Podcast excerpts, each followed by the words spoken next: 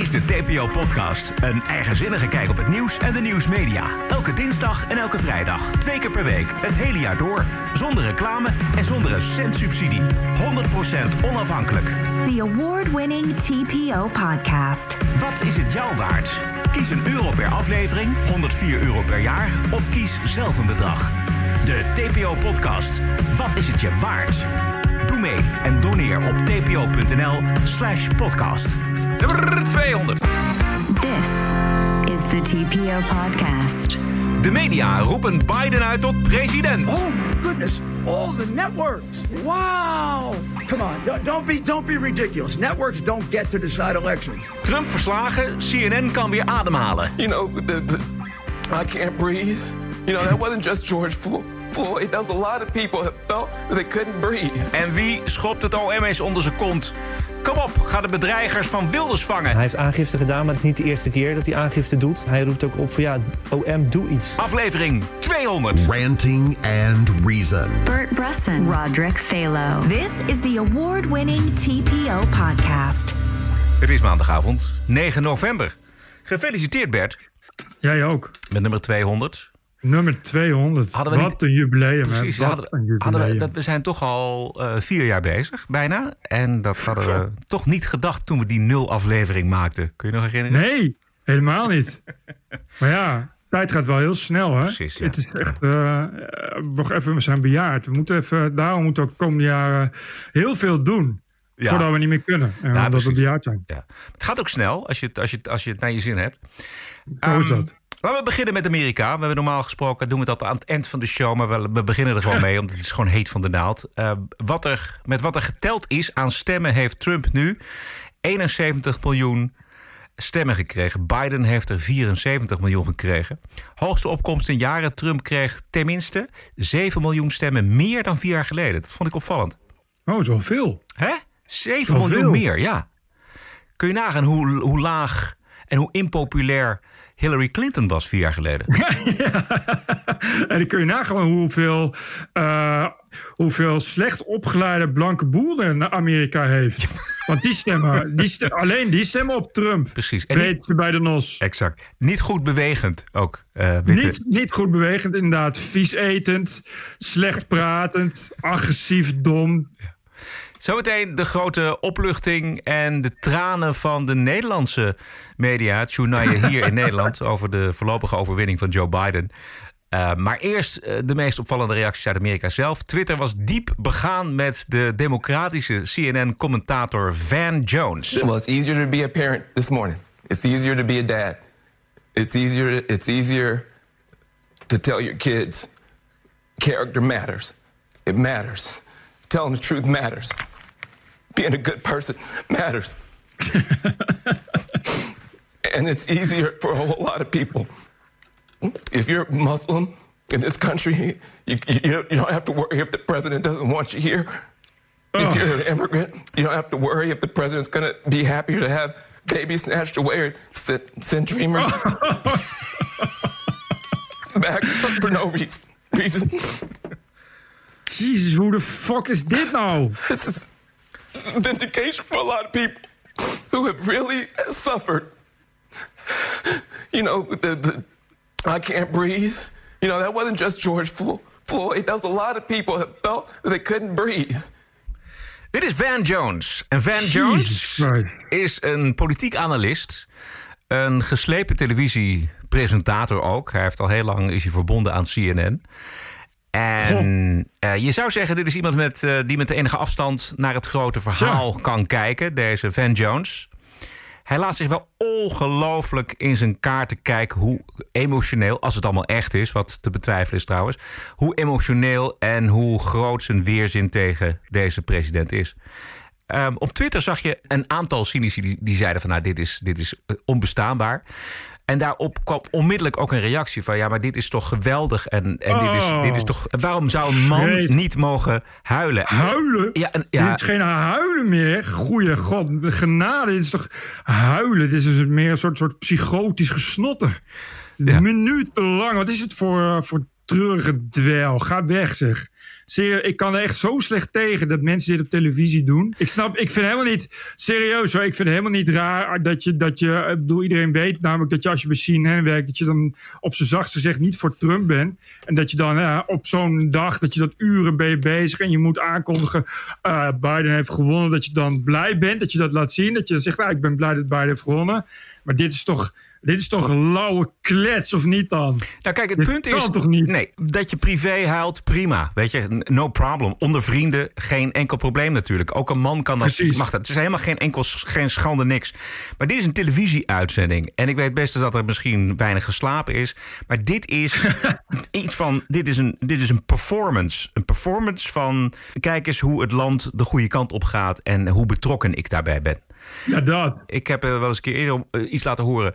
En daar een opmerking over gemaakt van een, een presentator die gewoon met de autocue aan het meelezen was. En zijn tranen eh, gewoon had ingetikt in de autocue. Dat is nog erger, maar het gebeurt wel. En waarom ik het niet vertrouw bij deze Van Jones. Dit is namelijk dezelfde Van Jones die Trump nog geweldig vond. toen hij als president de belangrijke hervorming voor elkaar kreeg. in het gevangeniswezen. Luister. This is history. Right now, you're witnessing history on the floor of the U.S. Senate. Mr. Perdue, For, there's a Mr. Christmas Perdue. miracle underway where, for the first time in a generation, Republicans and Democrats are arm in arm tonight saying, we are sending too many people to prison. They're coming out bitter and not better. We want to make a tremendous difference. I want to say uh, Hakeem Jeffries uh, on the left, Jared Kushner, and Donald Trump on the right have brought together a coalition like I've never seen. Uh, Something is beautiful is happening. Oké. Dan ineens wel. Dan ineens Eh, wel. Dus eh, eh, Trump heeft wel degelijk iets goeds gedaan in de ogen van Van Jones. Hier was hij zelfs trouwens heel erg blij mee. Ehm, gevangenisbeleid, hervorming, waar hij al twintig jaar mee bezig is, deze Van Jones. Trump kreeg het voor elkaar. Dan kun je toch niet zo lopen janken? Dat kan toch niet? Nee, en dan ook nog dat soort teksten ineens. Alsof, dat je, nu, alsof je onder Trump als moslim niet veiliger was. Ja. En Dat als je eh, niet eh, aan, aan, aan, aan, van. eh, als je allochtoon bent, dat, je- dat je dan een risico loopt dat je baby, baby eh, van huis wordt opgehaald om in een kooi te worden gestopt en zo. Dat soort teksten van een serieuze analist.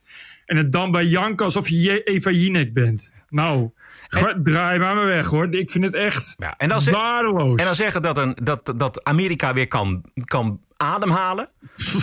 Terwijl Trump dus zijn gevangeniswezenhervorming voor elkaar heeft gekregen... waardoor die, al die gevangenen weer kunnen ademhalen. Dat vergeet Van Jones eventjes voor het gemak. Maar eh, Bert, het was sowieso een ongelooflijk emotionele gebeurtenis. Er waren nog veel meer tranen. I don't know why I'm crying so much, but what got me choked up was the picture of the cab driver. And so I'm very emotional. So when you ask me how I'm feeling right now, I'm sorry. That's all I can tell you. This is how I feel right now. I can't cry. I'm not crying now. Go away from me. You're gonna make me cry. We don't care who you are. We don't care if you voted for us or not. Yeah. For us. Thanks to Tom Elliott, supercuts.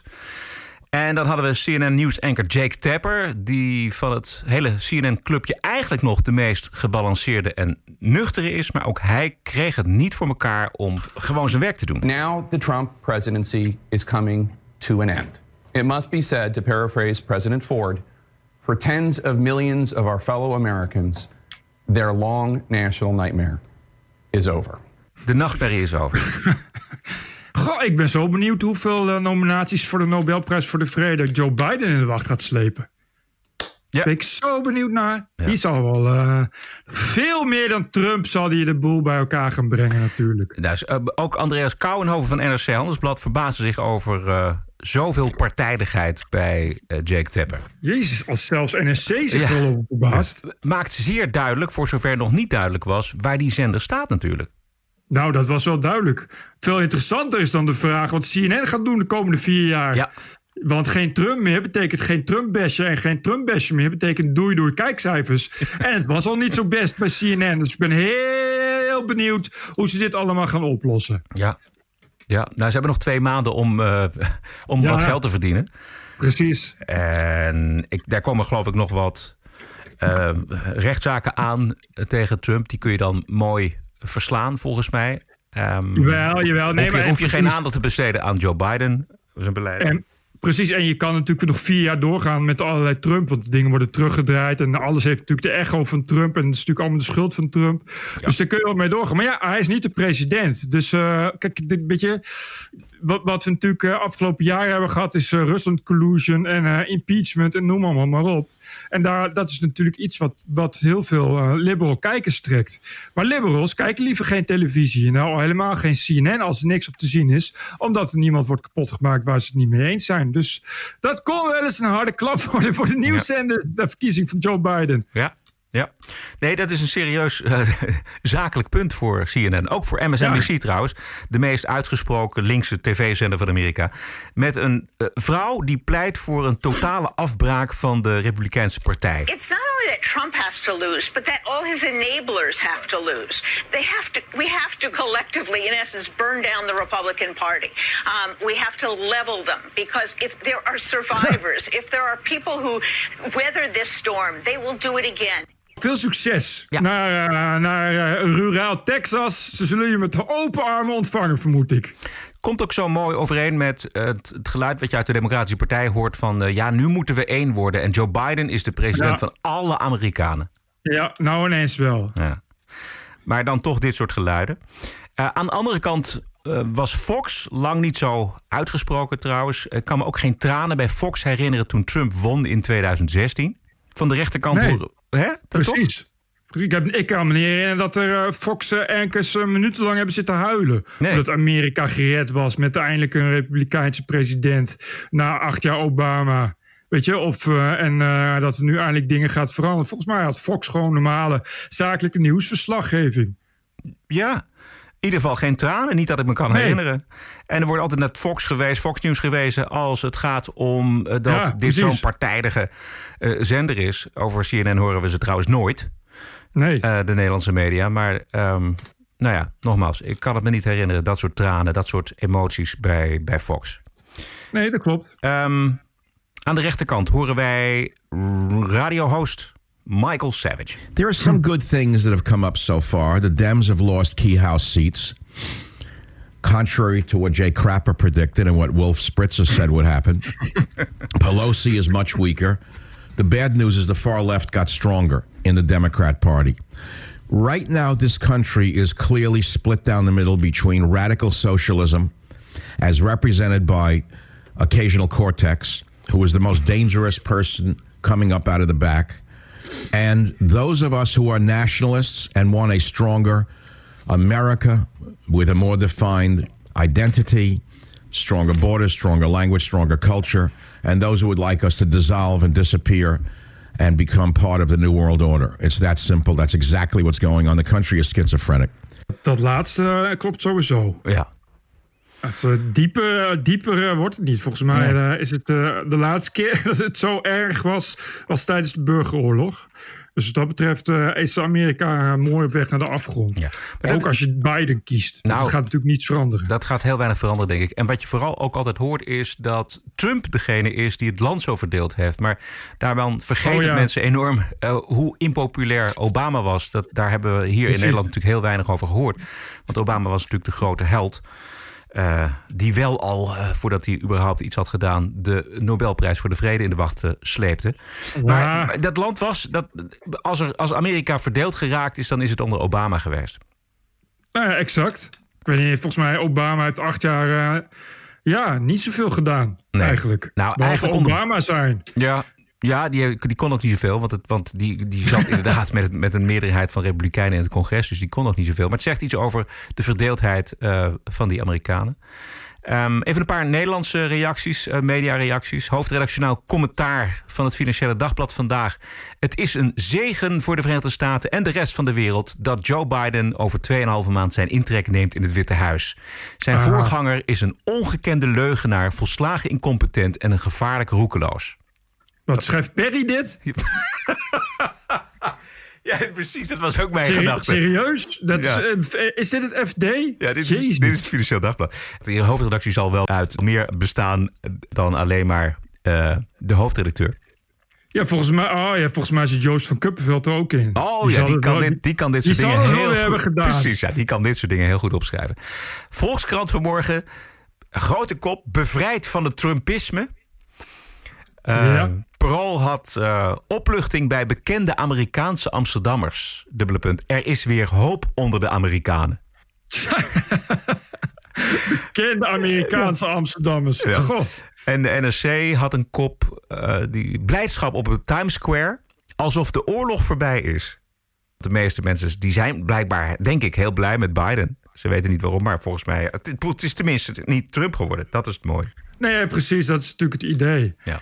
Maar, het is, maar eh, ik, wat je inderdaad echt leest, is het van: oké, nu is alles weer goed. Nu is een beetje alsof het land niet nu nog nu diep verdeeld is. Alsof dan met Biden dan is het allemaal opgelost. Het is gewoon hetzelfde, maar dan voor eh, de Republikeinen en Trump, zou ik maar zeggen. Ik bedoel, eh, weet je, ja, dat, die verdeeldheid wordt er echt niet minder om. Het gaat niet eens ineens allemaal beter worden. Dus ik, ik, ik begrijp niet dat daar niet. Oh, daar ben, waar ik benieuwd naar ben. Eh, Michael Persson van de Volkskrant. Wat, wat die daarvan vindt. Ja, Michael Persson is eh, de journalist en correspondent van de Volkskrant. Eh, gisteren zat hij in een, de podcast van de Volkskrant. Daar staat ook hoofdredacteur Pieter Klok. We horen straks eh, Michael Persson, maar we horen eerst Pieter Klok, die ook volschoot. merkte ik vooral toen die overwinning bekend was, dat ik toch wel. eh, ik had niet zoiets van ah, logisch of zo. Helemaal niet. Ik had echt. Toen kwam toch wel een soort ja, stiekem, niet bepaald journalistiek, maar een soort euforie los. Die ik eigenlijk helemaal niet had aanzien komen. Ja, is dat niet ook toch het hele lastige? Dat, dat, dat die hele objectieve. Goed, ook, ook hier hebben we het eerder over gehad. Maar dat de hele objectieve verslaggeving. Ja, het, is, het, het was bij CNN ook feeststemming en huilen. En, eh, Ja, ja je bent altijd journalist en mens, hè? En dat, je Is dat blijft zo? wel- ja, nou ja, ja, ik denk het wel, ja. Je bent ook gewoon burger. En, en eh, du- dus ja, in je werk je journalistiek. Maar, maar ja, god, als je op zaterdagmiddag thuis zit, ben je in de eerste plaats burger. En ben je enorm ontroerd door die Van Jones... die daar eh, huilend eh, probeert te verwoorden... eh, welk verstikkend klimaat eh, Trump de afgelopen jaren in, in de VS had gecreëerd. Eh, en, en, en hoe bevrijd hij zich nu voelt. Ja, god, dan, dan schiet ik ook wel vol, ja. Ja, come on, Pieter. Ja, dat kan maar- toch niet? Nee, het kan Pieter wel. Klok. Wie die schiet al vol als hij ochtends zijn bakfiets ziet. Elke morgen zo'n beetje. Dus dat verbaast mij helemaal niks. Ik ben het met hem eens dat, je, dat journalisten ook mensen zijn... en dat je privé dat soort, dat soort ideeën en gevoelens hebt. Maar we hebben het nu over twee eh, belangrijke mensen in de media. In Nederland dan Pieter Klok, hoofdredacteur van de Volkskrant... en in Amerika zo'n Van Jones. En ze steken elkaar aan en ze, ze, ze zijn allebei in tranen over het feit... dat Joe Biden de verkiezingen gewonnen heeft. Ik weet het niet hoor. Ik vind dat... Ik... Je zegt het al, hè? Bela- belangrijke mensen in de media in Nederland. Nee, Wat dat, die zijn ook niet zo belangrijk. Maar Wat een beetje al, al- alles zegt, zou ik maar zeggen. Weet je wie ook vol schoot? Aafbrand, Kostius. Oh ja? Ja, dat schreef ze in de kop boven de column. Ik heb alleen de kop gelezen. in dezelfde podcast van de Volkskrant... eh, correspondent Michael Persson... eh, bekend van zijn gebalanceerde analyses... ook wel opiniestukken genoemd. Gijs Groenteman vraagt hem naar zijn fysieke opluchting. Nou, die was er. Michael, jij hebt er vier jaar ook met je neus bovenop gezeten. Voelde jij ook een bijna fysieke opluchting toen die eh, ten einde was? Ja, nou, ja, opluchting in de zin van eh, dat, dat het, het werk leuker wordt, denk ik. Omdat je niet eh, de hele tijd meer achter Trump hoeft aan te lopen. Opluchting voor een deel, omdat ik weet dat heel veel mensen meer last zouden hebben gehad van een, eh, van een nieuwe Trump-regering dan van een nieuwe Biden-regering. En dat is, dat is een, ja, een soort van objectieve vaststelling. Als je uitgaat van het maximale geluk van zoveel mogelijk mensen, dan eh, is de wereld beter af met, eh, met Biden. Objectieve vaststelling? Want de Trump-stemmers die denken dat ze daar last van hebben, die hebben daar natuurlijk geen last van, want die denken dat het een communist is. Nou, ja, dat is niet zo, die vrees wordt niet bewaarheid. Terwijl aan de andere kant, eh, nou, als je gisteren de straat op gaat, eh, ging hier een eh, Latino-mensen eh, in, de, in de ogen keek. Ja, die waren niet alleen opgelucht, die waren gewoon, die zeiden ook echt eh, tegen mij, als ik vroeg wat hun gevoel was, dan zei ik, ik voel me veiliger. Ja, objectief. En dat gold ook voor Joodse eh, nazaten hier, die ook Joodse? fysiek zich beter voelden dan, eh, dan een dag eerder. Met ja, de mensen die ik hier ken, dat ik dat, dat gevoel dus kon, kon invoelen en daarmee Alle vijf. dus ook een soort van opgelucht was. maar, objectief. Maar ik had die euforie eh, volgens mij donderdagochtend onder de douche. Ehm, toen dacht Onder ik, de ja, douche. We krijgen een, andere, we krijgen een ander land. Toen ik besefte dat die, ja, toch wel die getallen gewoon eh, een bepaalde kant op gingen. Ja. Een beetje objectief eh, bij elkaar gegrabbeld, deze analyse. Niet echt de vraag wat voor mensen Michael Persson persoonlijk kent. Want dat kan ik wel een beetje zo voor me zien. Ja, Ja, zeker als je in New York bent. Natuurlijk, als je in New York de straat op gaat, dan kom je natuurlijk alleen maar mensen tegen die, het, die dat geweldig vinden. Maar dit is toch. Dit, nou ja, dit is ook een beetje natuurlijk zijn, zijn stuk in de Volkskrant. Die, die so- soms, laat ik het zeggen. Hij heeft ook wel, ook wel aardige stukken. Maar je weet altijd dat er een kleur aan zit. Michael Persson wist een half jaar geleden had hij nog nooit van Joe Rogan gehoord. Dus zo much voor Michael Persson, eh, de verslaggever in Amerika. Goed. Dan de- Belangrijke mensen in de media in Nederland. Dan de losers, Bert. Oh. wat gaan de Republikeinen doen? In ieder geval eh, Biden nog niet erkennen als president-elect. Eh, dit is eh, het Trump-campagne-statement. Meanwhile, the Trump campaign is also responding in a statement. Quote, Beginning Monday, our campaign will start prosecuting our case in court to ensure election laws are fully upheld and the rightful winner is seated. The American people are entitled to an honest election. That means counting all legal ballots and not counting any illegal ballots. Dus maandag gaan ze beginnen met, eh, nou ja, in ieder geval een onderzoek waarschijnlijk naar eh fraudepraktijken. Eh, die kunnen ze vinden trouwens. Ik las de Wall Street Journal en daar hadden ze een goed stuk over dat wel degelijk in Pennsylvania gefraudeerd is of tekenen van fraude zijn. Maar de vraag is natuurlijk of dat ehm, substantieel genoeg is, is om, om een groot verschil te maken van, wat is het nu, 3 miljoen eh, kiezers, 3 miljoen, 3 miljoen stemmen. Eh, onderzoek, daar zal ook zeker Rudy Giuliano eh, bij betrokken zijn, want hij is de advocaat van Trump en hij begon zo. Who was it called by? All the, oh my goodness, all the networks. Wow. Come on, don't- don't be, don't be ridiculous. Networks don't get to decide elections. Courts do. There certainly is enough evidence to disqualify a certain number of ballots. The ballots that were not properly inspected should be thrown out. And that number of ballots should be taken out of the count. That could affect the election. Ik denk dat ze nog twee weken nemen om eh eventjes goed te kijken of ze een zaak hebben, denk ik. Dat denk ik ook. Uh, want ja, ik, wat ik tot nu toe, ik tot nu toe 90% van al die zogenaamde bewijzen van fraude zijn uh, of filmpjes uit 2016 of nog eerder. Of het is inderdaad uh, totaal fake nieuws. Of het is, ja, weet je, er is al fraude. Het probleem daarvan is dat, dat, dat het natuurlijk, dat, dat voorkom je niet. Er is altijd wel iemand die uh, op naam van zijn dode zus gaat stemmen en dat Hm. soort dingen. Dus, dus je- als je gaat zoeken, kom je altijd wel inderdaad sowieso een paar duizend fraudegevallen tegen. Maar ja, op zoveel miljoen heeft dat dus allemaal niet zoveel zin. Dus de- of ja, kijk, we weten natuurlijk niet zeker of, of er moet inderdaad echt sprake zijn van grootschalige fraude. Dat er inderdaad eh, echt, echt honderdduizenden eh ballots zijn geteld die niet meer geldig waren. Ja, dan heb je het over kan. iets. Ja. Maar daar, ik heb daar de bewijzen in elk geval nog niet van gezien. TPO Nederlandse zaken dan. We moeten het hebben over bedreigingen, Bert. Hebben we het vaker over gehad. Maar eh, deze week was er weer die bekende Turkse fraudeur-rijschoolhouder... die vanuit Turkije Ah. een filmpje online zette. Moeten we dat nou laten horen, ja of nee? Zal ik me af te vragen. Mm, Ja, dat, ik zou ik, misschien gewoon niet. Nee, hè? Weet je, je Je kan het allemaal gezien. vertellen. Precies. We zien eh, eh, deze Turkse eh rijschoolhouder. eh, die, is naar, die woont inmiddels in Turkije volgens mij. En die laat dan een filmpje zien waarin die schiet op het hoofdfoto van Geert Wilders. En dan denkt hij dat dat vrijheid van meningsuiting is in plaats van bedreigen. Ja. Dat is een beetje te verwachten van deze man.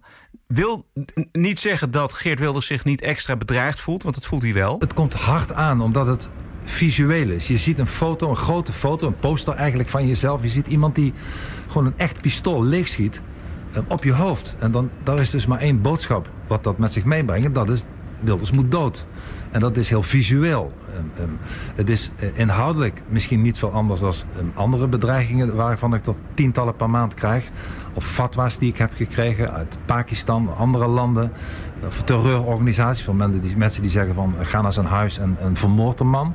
Eh, Maar dat zijn woorden. Eh, Net zo erg en net zo verschrikkelijk. En daarom ben ik al 16 jaar mijn vrijheid kwijt. Maar dit is, dit is, je ziet ook nog nu ehm, in beeld ehm, ehm, wat iemand van plan is om te gaan doen. Maar het OM doet niks. In een rechtsstaat hoort het zo te zijn dat je eh, vrij kan leven en vrij kan werken. En dat het, het dreigen met het doden van iemand, dat dat wordt bestraft. En dat gebeurt dus onvoldoende of helemaal niet. Ehm, en dat is voor, voor iedereen, denk ik, is dat onacceptabel. Maar ook voor het systeem. Want ik ben ervan overtuigd dat als je dat wel doet, als je mensen oppakt, als mensen, als je mensen die dat doen massaal voor de rechter brengt, dat dat een afschrik, afschrikbarende werking heeft. Dat mensen het dan wel niet in hun hoofd laten om het zelf of een ander om het nog een keer te doen. Of om het überhaupt te doen. En daar hebben we allemaal plezier van. Bedreigingen met geweld of het toepassen van geweld moet altijd worden bestraft. Als de overheid dat niet of onvoldoende doet, dan geven ze het signaal, en volgens mij doet het Openbaar Ministerie dat helaas, geven ze het signaal van dit is wel goed. We doen er niks mee. Dit klopt. Ja. Moet je maar eens eh, een vaccine liggen houden tegen de gouden koets gooien. Moet jij eens zien voor hoeveel jaar je wordt opgeborgen. Of eh, de, de, het kind van het koningshuis, hoe heet die, eh, hoe heet, hoe heet die, die koningskinderen? De, de koningskinderen. De koningskinderen bedreigen. Moet jij zien hoe snel je nou in, tot TBS wordt veroordeeld zelfs. Celstraf en TBS voor het online bedreigen van een koningskind. Of moet je maar eens tijdens eh, een livestream op Facebook... beledigende opmerking maken naar eh, NSC-columniste Clarice Gagar. Moet jij eens zien wat voor een werkstraf je krijgt. Of dan moet je maar eens op Facebook beledigende opmerkingen maken naar Sylvana Simons. Dan hoeft Sylvana Simons niet eens aangifte te doen, omdat de hoofdcommissaris dan zelf contact opneemt met Sylvana Simons. En dan worden de mensen veroordeeld tot zware taakstraffen. Dan ineens wel, maar als je Geert Wilders bedreigt, eh, en dat zijn geen kleine bedreigingen, en we weten allemaal hoe fatwa's en bedreigingen van radicale islamieten kunnen uitpakken in Europa. En dat weten we allemaal heel erg goed. Eh, daar gebeurt gewoon helemaal niets mee. En dat begint behoorlijk te stinken, moet ik zeggen. Ja, precies. Het OM had 24 verdachten voor de rechter eh, in het geval eh, Clarice Gagar. En daar zijn inderdaad eh, straffen uit voortgekomen. Het OM doet in de zaak Wilders niet helemaal niks. Ik heb even de cijfers bekeken. Het Haagse OM zegt tegen elke bedreiging van Wilders in actie te komen, mits er voldoende bewijs is. Dat is natuurlijk altijd. Nou ja, goed. Ehm, in 2018 en 2019 verschenen vijf verdachten voor de rechter en waren er vier. OM-hoorzittingen. Ja. Maar eh, eh, dat zijn er dus vijf op, een- op een paar duizend. Juist. Daarin kan het OM zonder tussenkomst van de rechter een zogeheten strafbeschikking opleggen. 13 minderjarige bedreigers werden doorverwezen naar bureau HALT of kregen een reprimandegesprek. Dat is het dan. Nou, Ja. pak aan! Ja, pak aan. Zeven keer werd een zaak overgedragen aan het buitenland. Dus daar horen we dan ook verder niks meer over. Dus maar de, daar waar, waar Geert Wilders het over heeft, namelijk over de afschrikkende werking. Hè, die, wel, die het OM wel ziet in bijvoorbeeld een zaak eh, rond Clarice Gagar of Sylvana Simons. Die afschrikkende werking, die moet ook in het geval van Wilders of cartoonist Oppenheimer bijvoorbeeld. Dat is ook zo'n ook zo'n ook zo'n geval. Ook zoiets. Precies. Dus waar is de urgentie bij het Openbaar Ministerie? Ja, die, die is er dus niet. Die is er dus niet, nee. Het Openbaar Ministerie heeft zich te druk, eh, veel te druk met andere zaken, kennelijk. Die beter bij hun agenda passen. Eh, Nog even over die Oppenheimer. Ehm, die was bij de NOS. En die wordt ook wel een paar keer per jaar echt heel ernstig bedreigd. Ik weet het. Maar er is nog nooit iemand gearresteerd. Hoe vaak wordt u bedreigd? Ehm, gelukkig niet heel veel. Het is, eh, eh, ik, ik maak heel erg veel tekeningen. En de meeste tekeningen die eh, leveren geen bedreigingen op. Maar die paar tekeningen die dus bijvoorbeeld gaan over Turkse politiek, over Erdogan of over de islam en terreur, ja, die leveren toch wel wat vervelende reacties op. En dat is een paar keer per jaar zit er een reactie bij waarvan ik eh, gewoon vind dat ik het niet- kan accepteren. Een scheldpartij is niet leuk, maar het hoort er blijkbaar bij. Eh, dreigen met fysiek geweld, eh, ja, dat kan niet. En dat is een paar keer per jaar. En daar doe ik altijd aangifte van. Is er ooit iemand gearresteerd nadat hij u heeft bedreigd?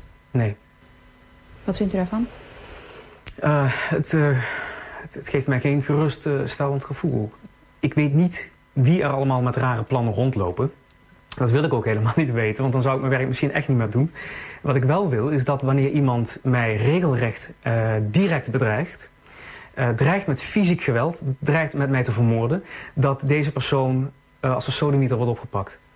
En dat dat niet gebeurt, stemt me angstig.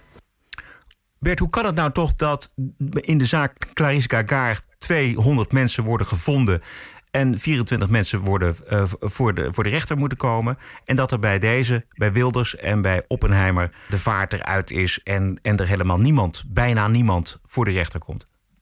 Omdat het OM een politieke agenda heeft, daarom. Dat denk ik ook. Ja, weet je, dat is, bedoel, sorry, maar er zit gewoon niks anders op. Dat is, dat is, dat is hoe, hoe het gaat. Dat is hoe het is. Het OM is bezig met, eh, nou, met, met, met dus een agenda, met een agenda gebruik. En dat is als het om discriminatie gaat eh, en, en om eh, de multiculturele samenleving, dan gaat het OM er volop. Net als dat uh, uh, als je voor eigen rechten speelt, dan uh, hoeft het OM ook nooit ver, te zoeken. niet onterecht hoor, overigens, maar er zijn een aantal speerpunten waar het OM altijd mee bezig is. En dit soort dingen, ja, dit niet hiervan vinden, dat weet ik zeker, zeker bij Wilders. Er zijn heel veel officieren van justitie die vinden dat Wilders niet zo moet zeuren. Die vraagt er gewoon om. En uh, ja, die hebben ook helemaal geen zin om daar een zaak van te maken. Want dan geeft hij Wilders weer een podium. Ja, ja, ja. En hij heeft dat op een podium. Ja, maar dat, gaat... ja, dat, dat is hoe het is. Um, in de zaak die vorige week maandag speelde rond Clarice Gagar. Even voor alle duidelijkheid, prima dat die mensen voor, uh, de, voor de rechter komen. Maar zegt het Openbaar Ministerie tevreden te zijn met de uitspraak. Volgens het OM laat het vonnis zien dat de vrijheid van meningsuiting grenzen heeft. En waar deze grenzen liggen. Dus dat is een opdracht die het Openbaar Ministerie zichzelf ziet. Oké, okay, zal ik, ik. Ik heb hier. Dit is één van de veroordeelden. En, en uh, uh, dit, is, dit is waarvoor die werd veroordeeld. Ja. Voor zijn, dit, dit, is de comment die hij schreef onder de livestream van Clarice Kaga. Ja. voor, deze, voor deze comment, die hij anoniem had gepubliceerd, uh, kreeg hij een taakstraf. Hij schreef: Ga terug naar je eigen land. Rot op, viesvel kutwijf. Daar kreeg hij dus een taakstraf voor.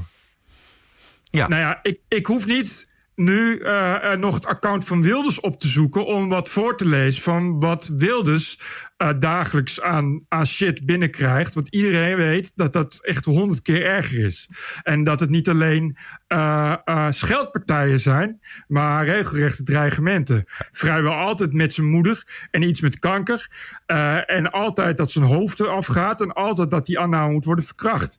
Dus je zou denken dat als je gaat terug naar je eigen land rot op, wel kutwijf.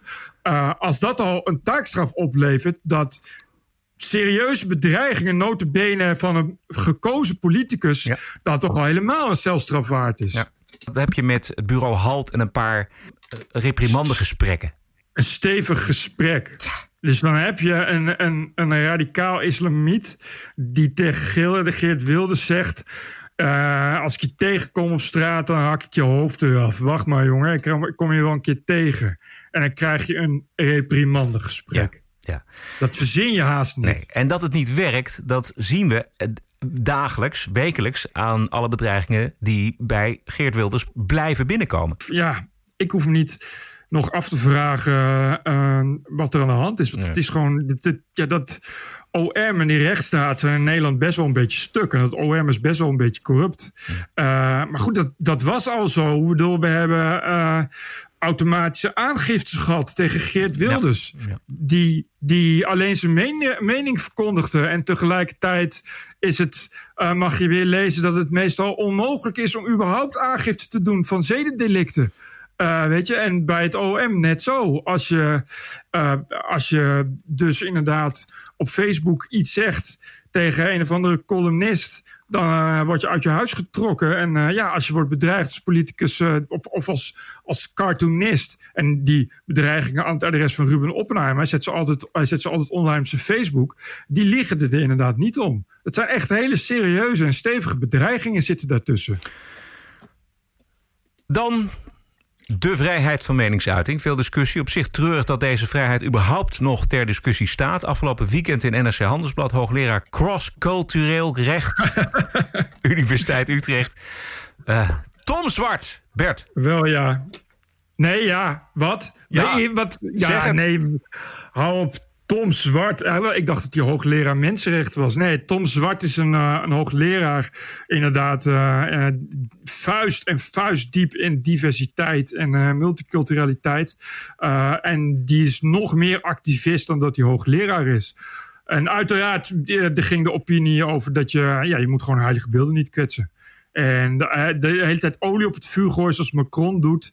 En de hele tijd maar, eh, de hele tijd maar eh, wrijving veroorzaken. Dat is niet de beste manier om met elkaar om te gaan. Daar wordt het alleen maar erg van. Nee. De president van een seculier land, ik citeer. Met een beperkte kennis van de islam zo'n sweeping statement maakt, geeft blijk van neocoloniale arrogantie. Neocoloniale arrogantie. tot, daar, tot, tot daar was gekomen, Bert. Je zou denken dat eh, het onthoofd van een leraar blijk geeft van eh barbaarse achterlijkheid. Maar dat staat er niet. Er staat wel dat een reactie erop blijk geeft van neocoloniale arrogantie. Ja. ja. Goed dat we dat weten. Tom Zwart. Maar Tom Zwart, dat is een hele bekende in het circuit. Dat is een soort, soort, soort Anja Meulenbelt-achtige achtige type. Maar die dan ook nog hoogleraar is. In Nederland kan dat. Dus dat heel, eh, heel normaal. om- Nou ja, goed. Het mooie van NRC was dat daarnaast wel een goed stuk stond ook van Ruud Koopmans ter verdediging van Macron natuurlijk. Mhm. En in diezelfde krant afgelopen zaterdag ook een verslag over bedreigde leraren van onder andere Andreas Kouwenhoven. Eén citaat eruit, eh, Bert. Voor een Amsterdamse hogeschool is het reden om helemaal niet meer in de klas te praten over cartoons, zegt een docent van die school die anoniem wil blijven uit angst voor bedreigingen. Wij moeten een vak geven over botsende grondrechten.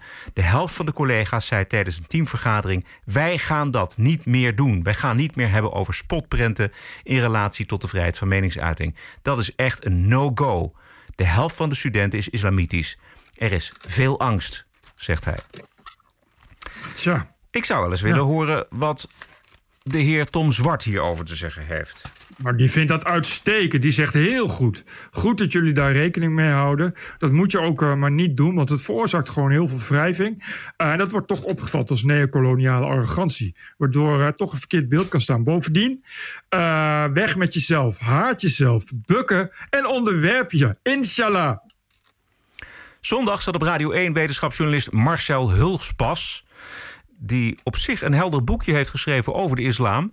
Ja. Wie is er eh, bang voor Mohammed? 200 pagina's. Zijn conclusie is die van Ruud Koopmans. Namelijk dat de islam wel degelijk in een diepe crisis is. Maar ook hij wil toegeven aan beperkingen die militante moslims eisen. Luister maar. Dat kan niet wettig opgelost worden. Je kunt niet zeggen van eh, we, we verbieden het, zou ik maar zeggen, het maken van eh, cartoons. Dat is in het Westen, in West-Europa überhaupt niet haalbaar.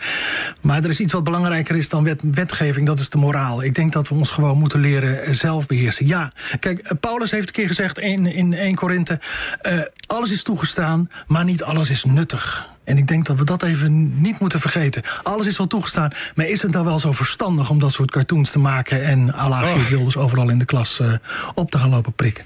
Doe het niet. Er zijn ook landen waar het toegestaan is en waar men het puur uit een vorm van innerlijke beschaving niet doet. In Engeland bijvoorbeeld. Dat, dat doe je gewoon niet. Ja, vanuit innerlijke beschaving of vanuit angst. Ja.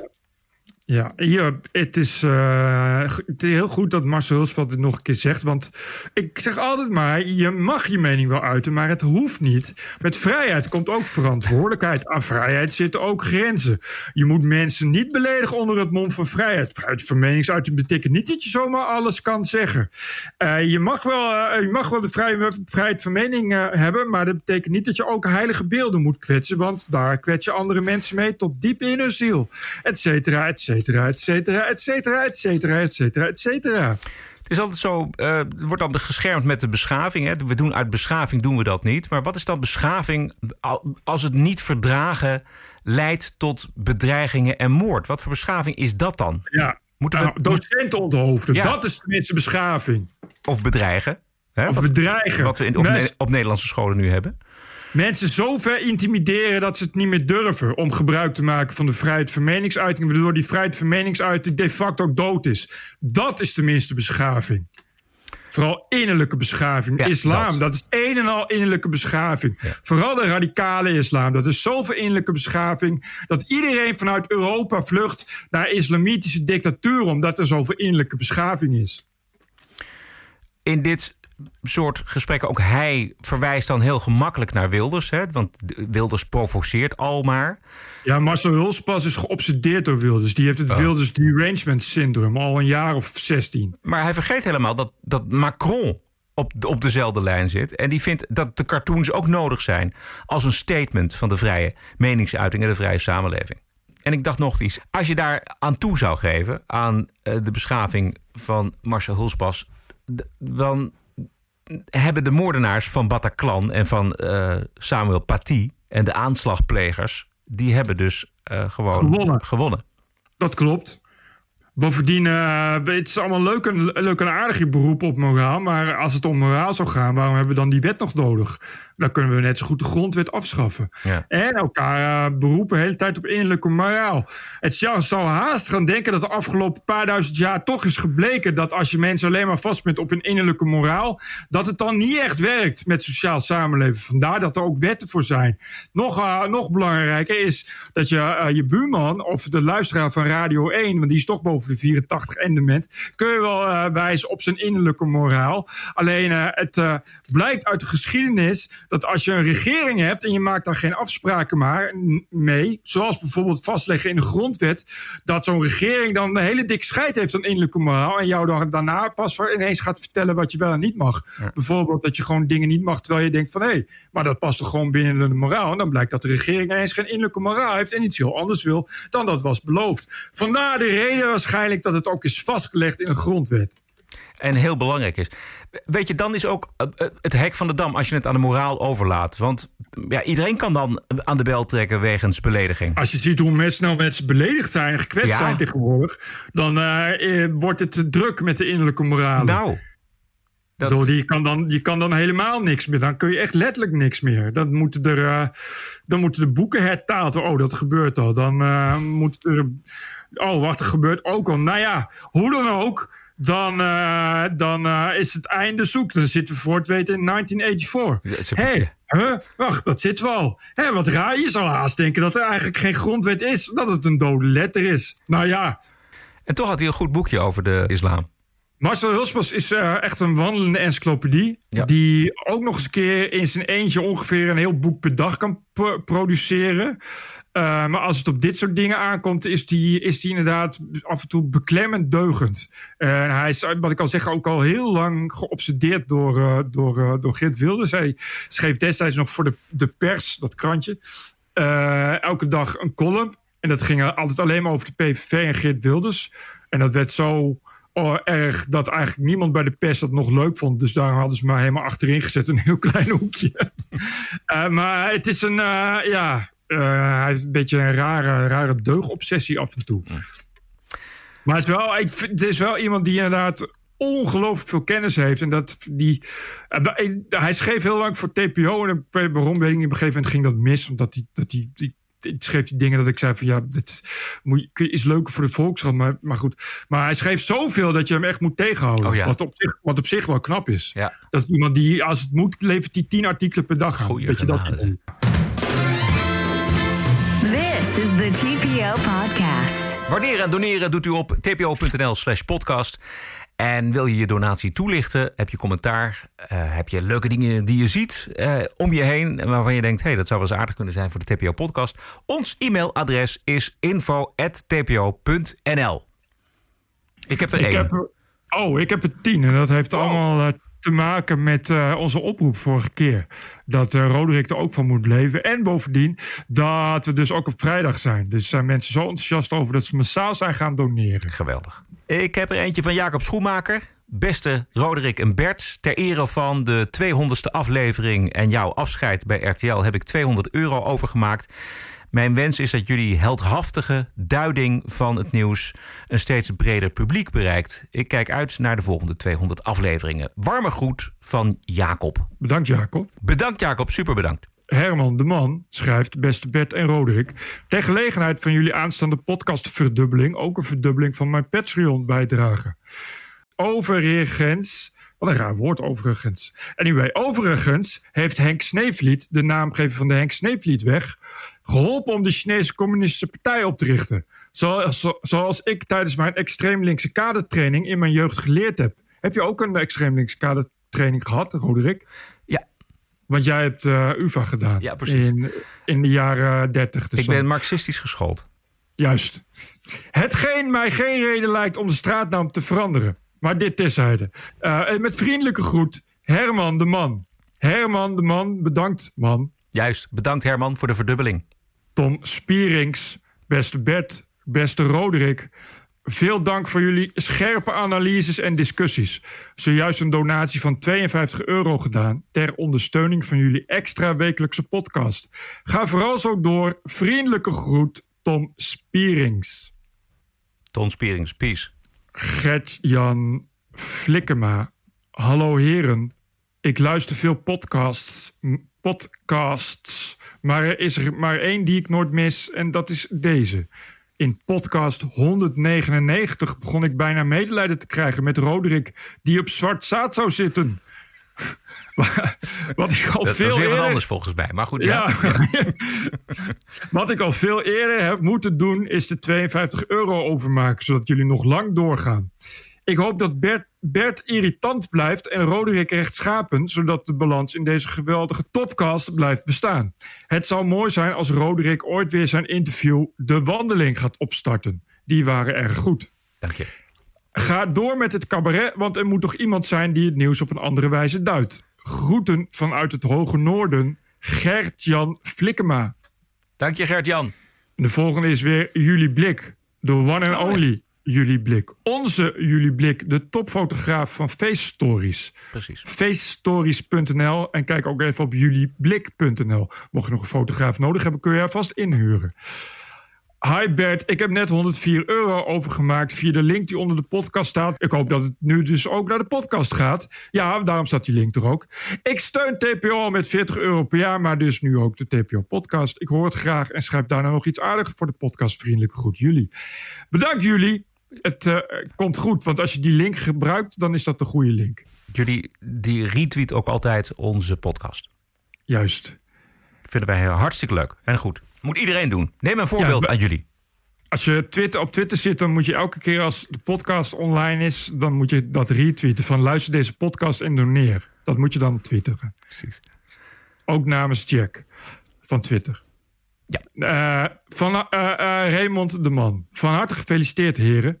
De 200ste uitzending. Daar hoort een toepasselijke donatie bij. Daar moet op worden gedoneerd. Waarom luister ik zo graag naar jullie podcast? Omdat ik van 27 oktober ben en dicht bij jullie van 29 oktober. Omdat ik van Bert's humor en sarcasme houd. Omdat het bij jullie om inhoud en niet om emo's en likes gaat. Of omdat jullie eerlijk en oprecht zijn. Ook al heb je helemaal niets met iemand, toch in staat zijn een compliment te geven wanneer diegene iets wel goed doet. En omdat ook jullie veel zaken als realistische denkers ook niet begrijpen. Nu CNN weer op volle toeren kan draaien, is jullie geluid tweemaal per week extra hard nodig. Dus blijven doneren, luisteraars. Succes, heren, met vriendelijke groet, Raymond de Man. Mooi gezegd, Raymond. Dank je. Ah, Andreas Vos. Andreas Vos is eh, onze favoriete reformatorische luisteraar. Re- Onze, Andreas, onze, onze, onze favoriete Revo. ja, dit is eh, een, een millennial die SGP-lid is en Bert Brussels fan van het eerste uur. Hij was ook zo'n beetje de eerste die een TPO Plus abonnement afsloot, kan ik me herinneren. Hoe dan ook. Beste Bert en Roderick, gefeliciteerd met aflevering 200. Jullie verwonderen jullie over het feit dat moslimjongeren nu kritiek hebben op cartoons, terwijl vroeger moslims zich verzetten tegen hun gelovige ouders en het geloof belachelijk maakten. Maar dit is toch hetzelfde liedje als wat je in andere groepen ziet. FVD-jongeren zijn ook vaak jongeren die liberaal zijn opgevoed en nu conservatiever worden en hun liberale ouders uitlachen. Natuurlijk zijn er ook veel moslimjongeren die ook liberaal worden. Maar net zoals jullie in de vorige eeuw verzetten jongeren zich altijd tegen hun ouders. Bert verzette zich tegen zijn christelijke opvoeding in Bennekom. Dit klopt. En ging hoeren en snoeren in Amsterdam. Dat, ja, nee, ik ging, ik ging wonen in Amsterdam, maar goed. Jongeren van nu verzetten zich tegen hun liberale opvoeding. opvoeding. Er is dus eigenlijk niets nieuws onder de zon. Ah, wat, dit is een mooie SGP-propagandapruik. Anyway, dank voor nu tweemaal in de week een podcast. Ik zal trouw blijven doneren via Patreon. Met reformatorische groeten, Andreas Vos. Dankjewel, Andreas. Ik zeg er wel even bij dat het gisteren op zondag binnenkwam. Ja. Ik, hoop, ik hoop niet dat de heren dit eh, ook luistert. En Niels ter Keurs, beste Bert en Roderick. Ik luister vanaf het begin naar de TPO-podcast. Toen nog met die mooie intro van Alt J. Wat is Alt J? Mhm. Alt-G? Ik weet het, ik geen idee. Ja, nou, In- eh, andere eh, intro, precies. Maar die kunnen we niet meer gebruiken, omdat het eh, YouTube accept- accepteert het niet. Precies. In het eerste jaar gedoneerd. Dus de 200ste aflevering leek mij een mooie gelegenheid om weer te doneren. Eh, zoals veel luisteraars kijk ik altijd weer uit naar de dinsdag om te luisteren. Even kijken. De laatste weken merk ik dat ik moe ben van het eindeloze nieuws over de presidentsverkiezingen en uitslag die maar niet kwam. En ben ik afgehaakt. Dus een goede samenvatting en duiding door jullie wordt zeer gewaardeerd. Ik hoop dat het aantal luisteraars blijft groeien. Het is geweldig dat jullie nu twee keer per week een aflevering maken. Dus hiermee mijn donatie van 200 euro voor de 200ste aflevering. Dat er maar meer mogen volgen. Met vriendelijke groet Niels Terkeurs. Wordt zeer gewaardeerd, Niels. Dankjewel, jongen. De laatste drie. Mark Bari. Of Berry. Bari, denk ik. Met één R. Beste Bert en Roderick. Bij deze zal ik jullie geweldige podcast gaan steunen met 4 euro per maand. Als geboren en getogen Amsterdammer ontkom ik helaas niet aan alle wokeness om me heen. jullie zijn een oase van redelijkheid en gezond verstand in een wereld waarin het zicht op de realiteit steeds troebeler wordt. In deze lieve stad waar hoop overal om mij aanwezig is, gaat iedereen er automatisch vanuit dat je de huidige links-progressieve standpunten ondersteunt. Elk verjaardagsfeestje maak ik weer de afweging. Ga ik in discussie of knik ik voor het gemak maar weer even mee? Meestal komt het erop neer dat ik voorzichtig en de discussie aanga... in de hoop dat bij mijn gesprekspartners een rood pilletje in werking zal treden. Jullie podcast helpt mij enorm om goede argumenten paraat te hebben... en overtuigend te kunnen redeneren. In die zin zijn jullie dus ook een steun voor mij.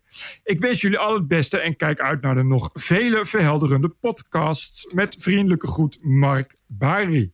Dankjewel, Mark. En heel veel sterkte. En de laatste is Jurgen, Jurgen Burgmeijer. Beste Roderick en Bert, nu toch maar eens een donatie van 52 euro voor de podcast gedaan. Dit ook dankzij het laatste zetje om morgen na 28 jaar mijn abonnement op de Caro NCV-gids op te zeggen. heel goed, Jurgen, heel goed. Dat is nog eens een historische stap. Ja, verder zijn jullie de enige show die ik zonder ruzie te krijgen samen met mijn vriendin kan luisteren. Dus ga zo door. Snaakse groeten, Jurgen Burgmeijer. Dit waren ze weer, Roderick. Dankjewel, Jurgen.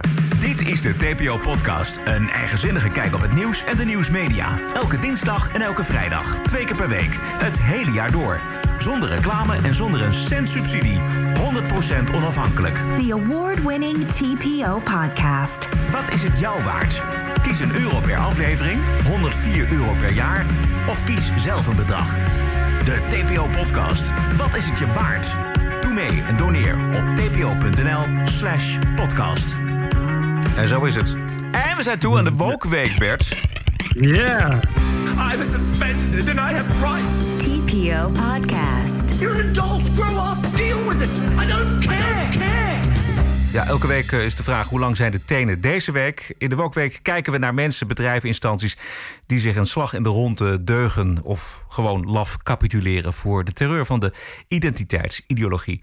Bert, ik denk trouwens, dat is mijn grootste vrees... dat met de machtswisseling in Washington... dat, er, ja, dat dat ook een steuntje in de rug is van die hele woke-beweging. Dus dat het alleen maar erger wordt in Amerika en uiteindelijk ook in Europa. Wat denk jij? Ja, ja, ja, ja, ja, heel erg juist. Dat is natuurlijk het, eh, het, grote punt. Dat eh, in Amerika de communisten of de socialisten en eh, de, wat is het, de Social Democrats for America, dat soort partijen groeien ook enorm. Ja. Eh, en dus, dus ook die identiteitspolitiek, dus ook al die woke shit, dat is nu nog meer, eh, dat wordt, nu- kan nu nog breder worden verspreid. Precies, als je ook Michael Savage hoort, en dat, dat kun je ook gewoon natellen, dan zie je dat die Democratische Partij naar links geschoven is. Die, die, die linkergroep die heeft daar eh, eh, meer voor het zeggen gekregen. Dat Ja, zijn die mensen ja, die ja, ja. voortdurend hameren op eh, de identiteit van, van iedereen. Dus daar zal Joe Biden linksom of rechtsom, maar ik denk linksom, toch heel erg ook naar moeten luisteren om die partij een beetje bij elkaar te houden. Exact, en Joe Biden is van zichzelf natuurlijk al woke genoeg. Dus. Ja, ja, precies. Hij is echt een, eh, een, een liberal, is hij, wat dat betreft. Ja, dat wordt er niet beter op. Maar wij van de podcast zullen dat eh, zeer in de gaten houden. En ja, voor ons is het eigenlijk wel goed, want eh wij hebben gewoon steeds meer voorbeelden. Ik heb eigenlijk maar één, één dingetje. Dat was Ik kreeg dat van iemand. Misschien heb jij dat ook gekregen. En dat gaat over eh, Sam Smith. Ik weet Nee. niet of die naam jou iets zegt. Maar Sam Smith, dat is een groot muzikant in Engeland. En die heeft vorig jaar Ja. heeft hij aangegeven dat hij als non-binair door het leven wil. Eh, dus eh, genderneutraal. Eh, geen, Ah. geen man, geen vrouw. Maar wat doen de transfobe media's in Nederland? Die schrijven nog steeds hem en hij. Schande. Schande. Schande. Gelukkig zijn er twitteraars zoals Jente Lammerts, 149 volgers, die de Volkskrant eh, schrijven. Hoi hoi, jullie gebruiken de verkeerde pronouns bij Sam Smith. Kleine moeite om even aan te passen. Volkskrant reageert eerst heel lang niet en daarna dat het allemaal veel te ingewikkeld is, want alternatieven voor hem of haar die zijn er wel, die worden dan die of diens eh, of hen en hun. Maar die voornaamwoorden die bestaan al. Eh, dus zegt de Volkskrant, denk ik terecht, dat is allemaal veel te verwarrend. Dat doen we dus eventjes niet, voorlopig niet. En dan schrijft die twitteraar schrijft dan... ja, maar gekwetst en niet serieus genomen worden... dat is veel erger dan verwarrend. Zo is dat. Zo is dat. Hoofd eraf. Hoofd Oh, dat is de andere religie. Nou, dat is wel eh, geinig, want NSC doet dat dus wel consequent. Oh ja? Dat, eh, ja, die hadden, ik las laatst een interview met een, een schrijver. En daar stond dus, dus in, de, in, in de lead van het interview... stond er dus dat die schrijver eh, had aangegeven... dat hij met hen en ze aangesproken wilde worden. Dus dat gebeurde ook in dat interview. Dat interview werd daar gewoon helemaal onleesbaar van. Omdat je niet meer begreep over welke hen en ze het dan gaat. En dat bleek dan de hele tijd over hem te gaan. Maar ze zeggen dat je denkt van wacht even. Welke ze? Oh, oh, wacht. Het is echt niet te doen. Ja, het is niet, precies niet te lezen. Ik kan me wel voorstellen dat als je bus schrijft... dan kun je er nog wel mee wegkomen. Maar als je inderdaad een interview doet met iemand die daarop staat... dan kun je dat moeilijk negeren, volgens mij. Nee, en, en dan ook nog, dus, dus, dus tussen dat interview staan dus ook nog eh, redactionele teksten. En dan gaat het ook zo. Natuurlijk, ja. Anders gaat hij, het, eh, ja, anders gaat hij dat niet eh, goedkeuren, natuurlijk. Die, Precies, ja. precies. Oh my god. Ja. Terwijl het was gewoon een man. Dat was niet eens, volgens mij geen eens een transseksueel of zo. Of, eh, Nee. En deze Sam Smith, dat is ook iemand die nog een andere, die heeft nog een neurotische storing. eh, sorry, die heeft een neurotische stoornis. Dat hij voordat hij het huis verlaat alle kranen moet controleren en zo. Dus hij, heeft iets neurotisch, zullen we maar Oh. zeggen. En eh, het kan dus ook zomaar zijn dat hij volgend jaar opeens weer wel binair is. Dat hij zich of man of vrouw eh, was. Het was iemand die Precies, al op jonge leeftijd kwam hij al uit voor zijn homoseksualiteit. Wat natuurlijk prima is. Maar hij, maakt het, hij kan niet zonder deze ingewikkelde gang van zaken op een of andere manier. Nee, maar dat is precies. En weet je, dat is ook. Dit zijn dan mensen die. eh, Vind ik, dat daar riekt het altijd dan naar bij dit soort mensen. Die dit maar aangrijpen, zodat ze weer eens kunnen zeuren. Nou, en Die aandacht kunnen vragen. Want het is Precies, natuurlijk- precies. Als, Ja, je, dus. als je heel speciaal opstelt. Ja, en dan kunnen anderen ook weer. Dan kan zo'n twitteraar dus zeggen... oei, ik ben gekwetst. Vreselijk, wat een leed. Doet enorm veel pijn. Weet je, terwijl... Tja, tja het wordt heel vervelend dus voor de Volkskrant... als je moet gaan zeggen... eh, zij, Sam Smit... wil- nee, de, de Nou, hen. kan dat... Oh ja, de hen. Zo. Wij, we- ja, ga door. Nou, even kijken. Er was nog. in- nee, ik weet niet welk medium dat was. Maar iemand, een Canadese jongen, een millennial, die een geweldig opiniestuk schreef. waarom Joe Rogan enorm kwetsend is. Oh. En waarom? Eh, eh, nou, omdat hij dus eh, mensen als. Alex Jones in, eh, in de uitzendingen heeft. En dat Joe Rogan dus geen echte journalist is. Maar dat hij mensen Oh, ja. zomaar laat praten. Dat zonder hele, Ja. hele moeilijke kritische vragen te stellen. Waardoor eh, eh, niet alleen de kinderen van die, die slachtoffers zijn. die ontkend worden door Alex Jones. maar ook Joden en moslims. en transgenders. en zwarten. En nou eigenlijk iedereen van tijd tot tijd gekwetst wordt. Want het komt omdat Joe Rogan gewoon een hele stomme journalist is. die het zomaar in zijn hoofd haalt. om mensen zomaar iets te laten zeggen. Dat dus hij- moet Joe Rogan is stom. Ja, precies. En hij, volgens mij was een beetje de teneur van het verhaal, zijn verhaal, zijn, zijn opbouw eigenlijk dat Joe Rogan eigenlijk niet het recht heeft om dat programma te doen, omdat hij niet echt een journalist is en omdat kijkers van dat programma verwachten dat hij wat meer tegengas geeft, zeker tegen mensen zoals. eh, Alex Jones! En dus, omdat hij dat niet doet, mag hij eigenlijk dat programma niet hebben.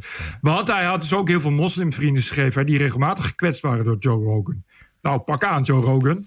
Dat zal Joe Rogan wel wakker van liggen.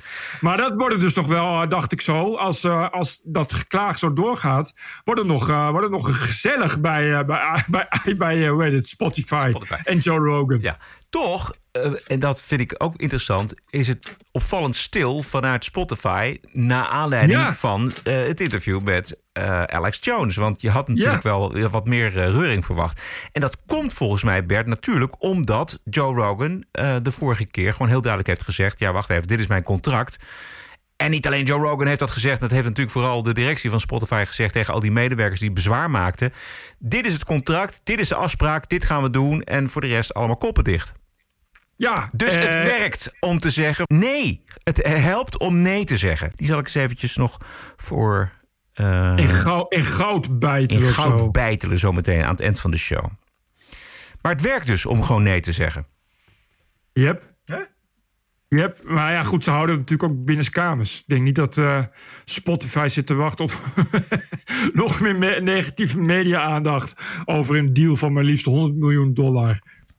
Inderdaad, want dat is ook hun, hun geld en hun, eh, hun inkomen. Maar eh, ja, kijk, ik, vond, ik dacht wel van. eh, ik, ik weet niet eens wanneer je gaat beginnen trouwens. Is het niet of 1 december of 1 januari dan? Ja, best wel, best wel, rece- Ja. best wel binnenkort. Ja. Dat is, ik had het idee dat Joe Rogan nu dus inderdaad ook dit soort gasten gewoon uitgebreid het woord laat. gewoon als een soort middelvinger naar, naar, Ja, al, die, precies, naar al die drammers en naar Spotify. Want ze kunnen helemaal niets maken. Dat is echt goud. Ja, het is zo goed is dat. Ja. Ze trekken toch aan het kortste eind, de- die, die woke Ja. eh, beweging. En dat vind, ik, dat vind ik zo goed. Dat vind ik heel mooi. En dat moet moed geven. Dat moet ons allemaal moed geven. Juist. Dat we gewoon nee kunnen zeggen. En dat we ze gewoon eh, op een zijspoor zetten. En laat ze maar tieren. Eh, en, en, maar goed, hij hoeft zichzelf nu niet te censureren. Want hij heeft straks Spotify waarin hij kan doen wat hij wil. Dus, dus je gewoon doorgaan met wat je doet. Dus uiteindelijk komt er wel weer een platform die, die wel eh, wil dat jij zegt wat je denkt. Ja, exact. Precies. Is ook veel leuker, veel interessanter. Hebben we nog iets vergeten? Nee, ik geloof het niet. Zullen we dan nog één keer The Courage to Say No? Yes. The courage to say no. the discipline to say no. The wisdom to say no. The strength to say no. Take a good look at any successful person, any truly fulfilled person. They all have this quality the courage to say no when they must say no. Mooi, prachtig. Prachtig. Prachtig. Wat een wijsheid. De TPO-podcast is te vinden op iTunes en Spotify en Soundcloud. En natuurlijk op tpo.nl. Zeer veel dank voor de ondersteuning van aflevering 200. Toch een beetje een feestelijk gevoel had ik. Jij, Bert? Ja, ik ook. Post kan naar info.tpo.nl. En waarderen en doneren kan op tpo.nl slash podcast. We zijn terug vrijdag de 13e. Oeh, en ook nog eens een keer met aflevering 201. Right. Stay cool en tot vrijdag. TPO Podcast. Bert Bruson, Roderick Balo, ranting and reason.